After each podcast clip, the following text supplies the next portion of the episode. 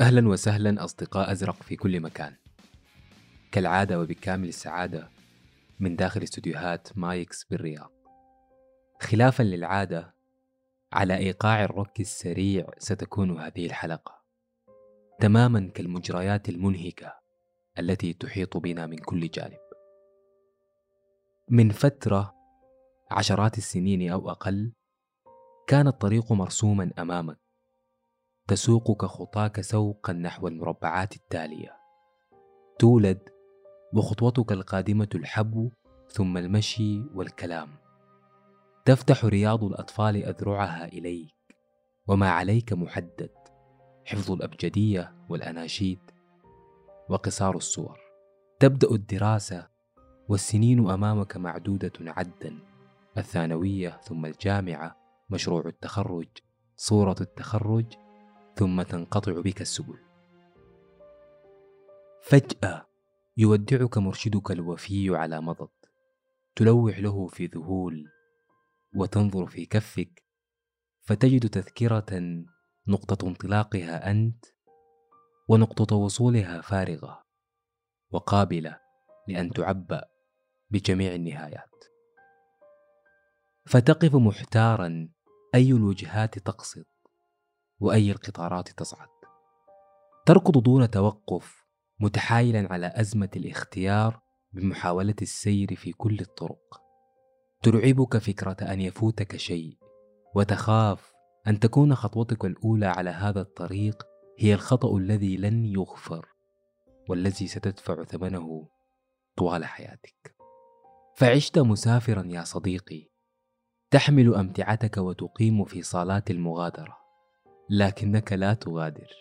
تصعد كل القطارات ولكنك لا تصل. عرفت كل المسافرين وحفظت ملامح الشرطي والباعة المتجولون وألوان الحقائب وجميع العابرون. عرفتك كل المحطات وللأسف لم تعرفك نقطة وصول واحدة. هي أزمة اللحاق بجميع المتاح. النجاة من شرك أن يفوتك شيء والسقوط في فخ فوات كل الأشياء.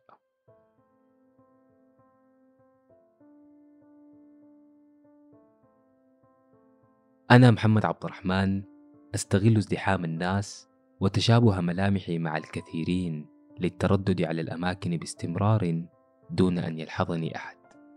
أزور المقاهي وأمشط الشوارع وأستغل المواصلات العامة.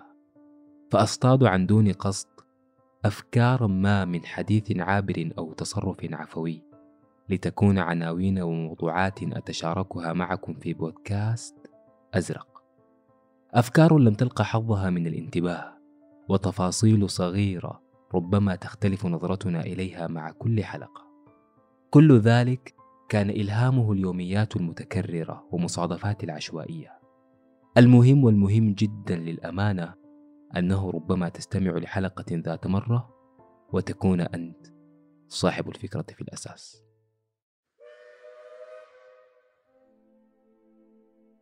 الأزمة أنك في عمر معين وفي آن واحد تنطلق صافرات قطارات كل الأشياء التي تريدها.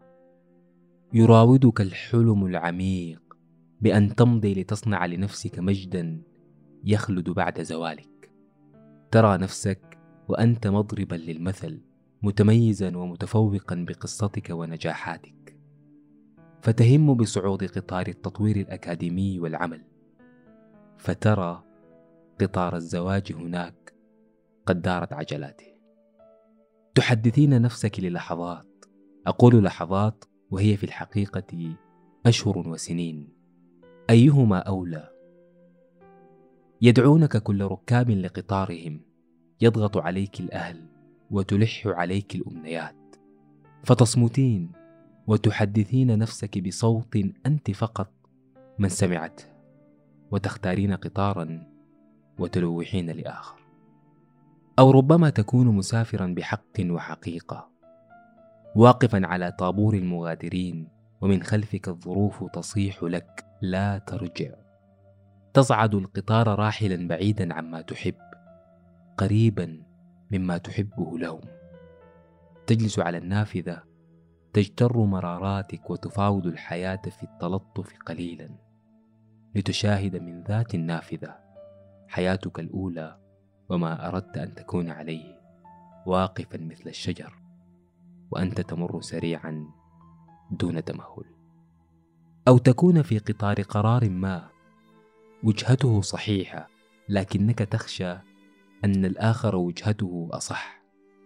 أو ربما تتفاجأ بنفسك وأنت على كرسي فاره ومريح في المقصورة الأمامية. لكنه يمضي بك نحو اللا شيء لأنك لم تختره وصعدت مكرها تحت الضغط المجتمعي وتأثير الجماعة. وأخذك التيار بعيدا عن نفسك. أو ربما وهي الأشد أن تكون واقفا محتضنا حقيبتك. تراقب كل القطارات تصل وتغادر وأنت لا تحرك سوى رأسك متلفتا. تكذب الزمن والحقيقة والمعطيات وتصدق صوتا هامسا داخلك. يقول لك انتظر ربما القادم أجمل. وفي انتظار الأجمل المزعوم تكون قد فوتت الجميل الكائن. والصحيح المتحقق والمثال الموجود. ننتظر حتى يفسد الزاد وتهترئ الحقائب. نرهق أنفسنا ونحن نظن أننا لن نخسر شيئا. وخوفا من الخسارة نتنازل عن حقنا في الفوز.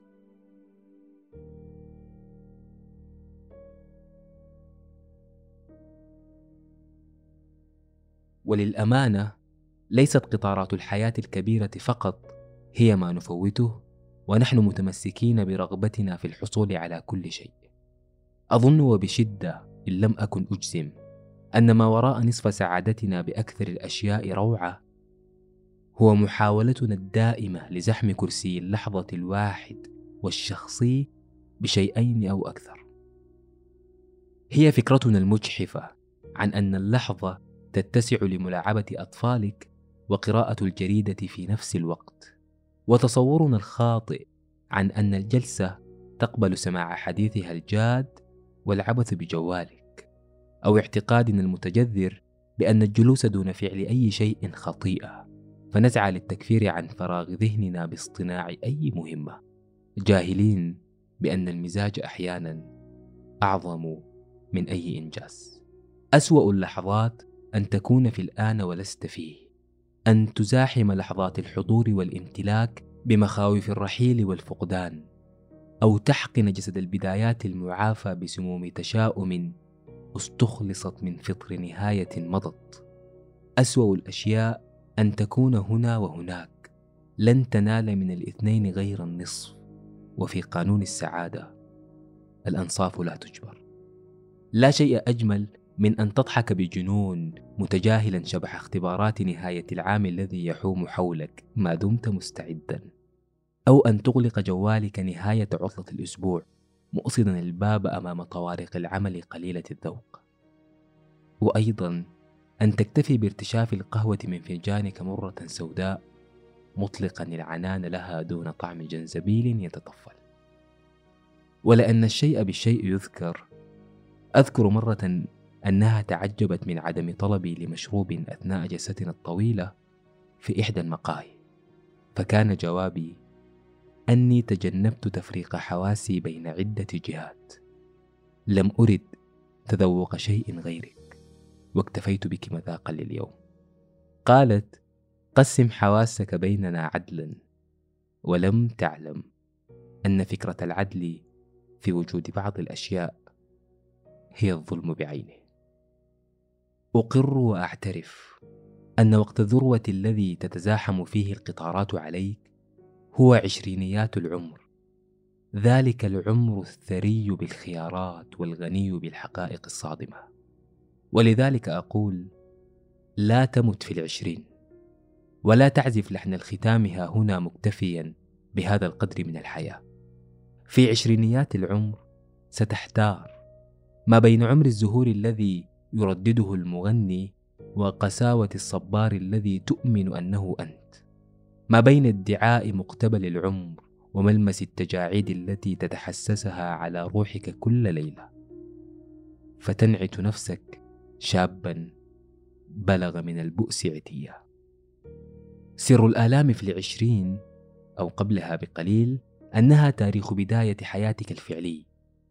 فكما كان ذلك الطفل يبكي كلما سقط في إحدى محاولاته الجادة كي يسير ستبكي بشكل مختلف مع تكرار آلام الارتطام بالواقع بعد جولة في فضاء الأمنيات. في العشرين تتضح الأخطاء الهندسية فيك وللمرة الأولى ستضع قلم التلوين جانبا وتحمل المعول لتهدم أجزاء منك. وأفكارا قاسمتك حليب الرضاعة وتصورات أخذت ملامحها مما تصدق وممن تثق في العشرين يتفرع الطريق المستقيم إلى عدة سبل وتتساوى المسافات بينك وبين كل مطلوب. في العشرين توضع على طاولتك صكوك الأمد والأبدية كي تبصم وتوقع. شريك حياة ملازم مسمى وظيفي يلاحقك أو سفر تستوطن فيه الأحلام وتغرب أنت. في العشرين غالبا ما تخون حبيبة وكثيرا ما يسقط قناع صديق. أنسب الأوقات لتخذل وفرصة سانحة لتغدو في القلب ندبة يداعبها أحفاد الأيام. ولكن في العشرين وفقط في العشرين سترى بعينك وتسمع بأذنك وتقتني في الحياة تجربة تتوكأ عليها حتى تصل وتهش بها على ظنون القادم. ومن عبر العشرين حيا فقد عبر. لا تمت في العشرين ومن حين لحين تفقد حياة جسدك بالنبض وتفقد حياة روحك بالابتسامة.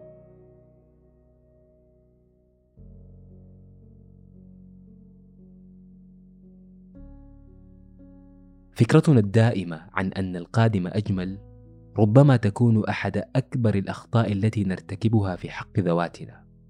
منذ الصغر يمتد بصرنا ليدرك القادم غير مبالين بما يجري فنتجاهل الدرس وآذاننا تنصت لسماع جرس نهايته. نسمع الجرس فنبدأ رحلة إنصات وترقب جديد للجرس القادم. وبذات الطريقة نتجاهل عاما دراسيا كامل في انتظار عطلة الصيف الموعودة. أكملنا الابتدائية لا مبالين وظننا في الثانوية أكبر. عبرنا الثانوية وتلهفنا لسنوات الجامعة يزداد. عركنا ما بين القاعات والمكتبات ونحن نتسول للحظات التخرج والعمل. نلنا أول وظيفة والآمال معلقة لعل في يوم الزفاف الخلاص. المخيف حقا أن لحظات الانتظار تسقط كل المحطات الممتدة بين الآن والقادم حتى وإن كانت جميلة. في انتظارنا ليوم الخميس الونيس يحدث أن ننسى الفرح بأسبوع كامل. وفي انتظارنا لراتب نهاية الشهر نتمنى لو تمر ثلاثون يوما دون أن نشعر بها. وفي انتظارنا لرأس سنة فيها حظنا وتحمل لنا صندوق الأحلام كما نزعم يهرب من بين أيدينا عام بأكمله. ترقبنا المستمر للنهايات التي نرجوها لا يستحق أن يعمينا عن محطات الوسط. وفي طريقنا نحو البستان لا مانع أن نقطف بعد الزهرات. بطريقة أخرى فكر. ربما الأوقات الجميلة التي كنت تمني النفس بها تمر الآن. الخطأ أن ندعو الضيوف بإصرار ثم لا نحسن استقبالهم. ونكرر الخطأ بأن نرسل بطاقات الدعوة لضيوف جدد.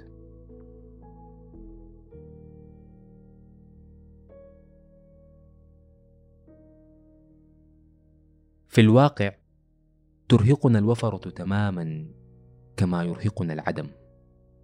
فالمتبدل النظر في هذه الحياة أن ما تهواه النفس كالرمال عدا إلا أن الشكوى صغر الكفين. وإن كان الاكتفاء باللمس لقلنا كف الكفان ووفياه إلا أن منى النفس الإمساك وعزاء الأصابع التشابك عشرة حصارا دون إفلات وإحاطة بلا تفريط. فالآن تدرك أنه لتصنع في الحياة قصة عليك أن تركز على كثير من الأشياء أن تخسرك عليها أن تبكيك وتبكي تمنعك عليها في القدوم. لا لنقص فيها أو لكبر فيك إلا أن قدر الواحد منا مرارا وتكرارا أن يجرح ما يحب بالأحب. أوشك أن أقول وأنا أطالع ضيق الإناء وسعة الأمنيات أن الخسارة لعنة لن تفارق مسعاي إلا أن العزاء دائما حينما يحظى كفاك بشيء أن تطغى عند الإمساك لذة الحصول على حسرات الفوات وإن كان العكس فأفلت فعندها عصافير الشجرة أحق من عصفور اليد.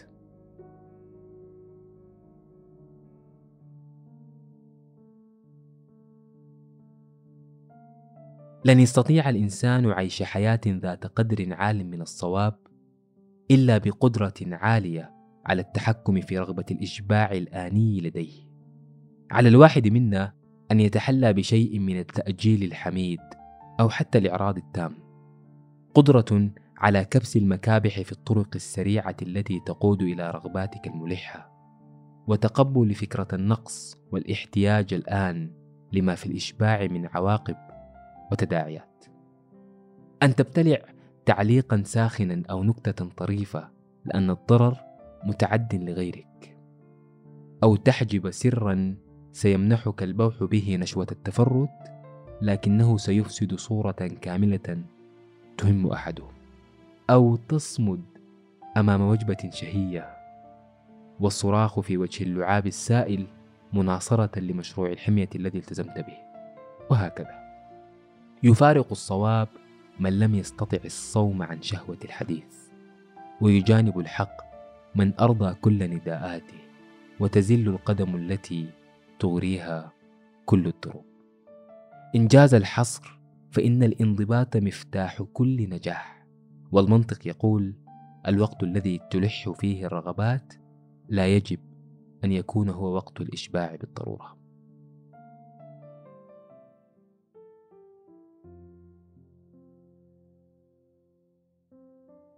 أحيانا تكون أزمتنا مع قطارات الحياة أننا نتوق للوصول سريعا. نرغب في أن نبلغ مبتغانا في أسرع وقت غير مبالين بمستحقات المسافة وثوابت الزمن. فما أن نبدأ طريقا وتتأخر علينا نهايته حتى نلعن الوجه ونستهل طريقا آخر. عزيزي التعافي يحتاج لوقت. وما تراه من قلاع النجاح وقصوره إنما هو ابن السنوات. ولو كان المنال قريبا كما تظن لما سمي منالا من الأساس. وخذها مني للزمن. قبل أن تغرز بذرة حلم في عقلك كن على دراية. أن بعض الأحلام قليلة النفع وقصيرة العمر كالحشائش تنمو سريعا وبأقل سقيا. إلا أن البعض الآخر شامخا وعظيما كالسمر يأخذ وقته ويتغذى على صبر صاحبه.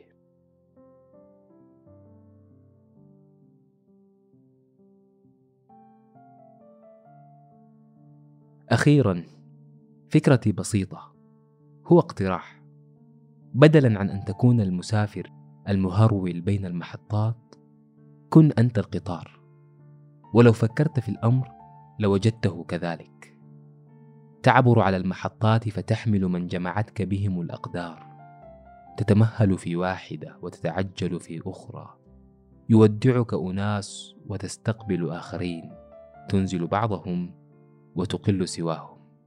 تتعطل مرة وتتأخر مرة. ولكن المهم أنك تمضي.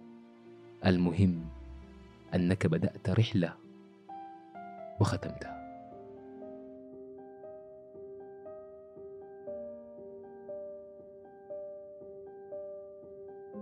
وصلت حلقتنا إلى نهايتها.